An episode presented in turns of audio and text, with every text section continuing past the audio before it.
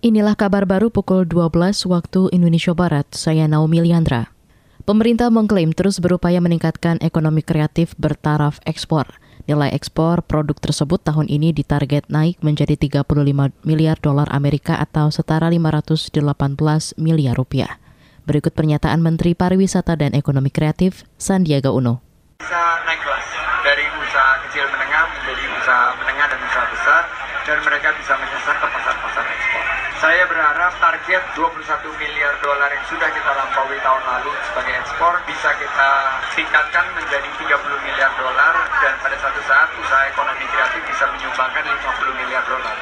Dengan pola kita melakukan pembinaan secara holistik seperti apresiasi keren Indonesia mulai dari bootcamp sampai kepada pembiayaannya Menteri Pariwisata dan Ekonomi Kreatif Sandiaga Uno menegaskan siap membantu pembinaan terhadap UMKM termasuk digitalisasi pemasaran produknya.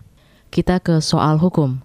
Terdakwa penyuap Bupati Langkat nonaktif, Muara Perangin Angin akan menjalani sidang putusan di Pengadilan Tipikor, Jakarta Pusat hari ini. Muara merupakan terdakwa penyuap Bupati Langkat nonaktif terbit rencana perangin angin di kasus suap kegiatan pekerjaan pengadaan barang dan jasa di Kabupaten Langkat, Sumatera Utara tahun anggaran 2020 hingga 2022.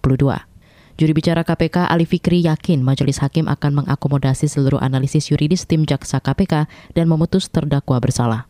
Sebelumnya, Muara Perangin Angin dituntut dua setengah tahun penjara. Ia diduga menyuap terbit rencana perangin angin sebesar 572 juta rupiah sebagai komitmen fee karena dua perusahaan yang memenangkan tender proyek Dinas PUPR Kabupaten Langkat. Muara juga dituntut membayar denda 200 juta rupiah subsider 4 bulan kurungan. Beralih ke informasi mancanegara, Banjir yang melanda Assam dan Meghalaya, dua negara bagian di India selama dua hari terakhir menewaskan tiga puluhan orang.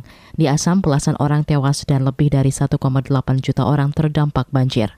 Sementara di Meghalaya, hampir 20 orang tewas karena banjir yang disertai tanah longsor. Dikutip dari Sinhua, banjir yang menggenangi 43 ribu hektar lahan pertanian di dua wilayah tersebut. Perdana Menteri India Narendra Modi mengklaim akan menjamin bantuan dari pemerintah federal bagi korban banjir. Demikian kabar baru KBR, saya Naomi Liandra.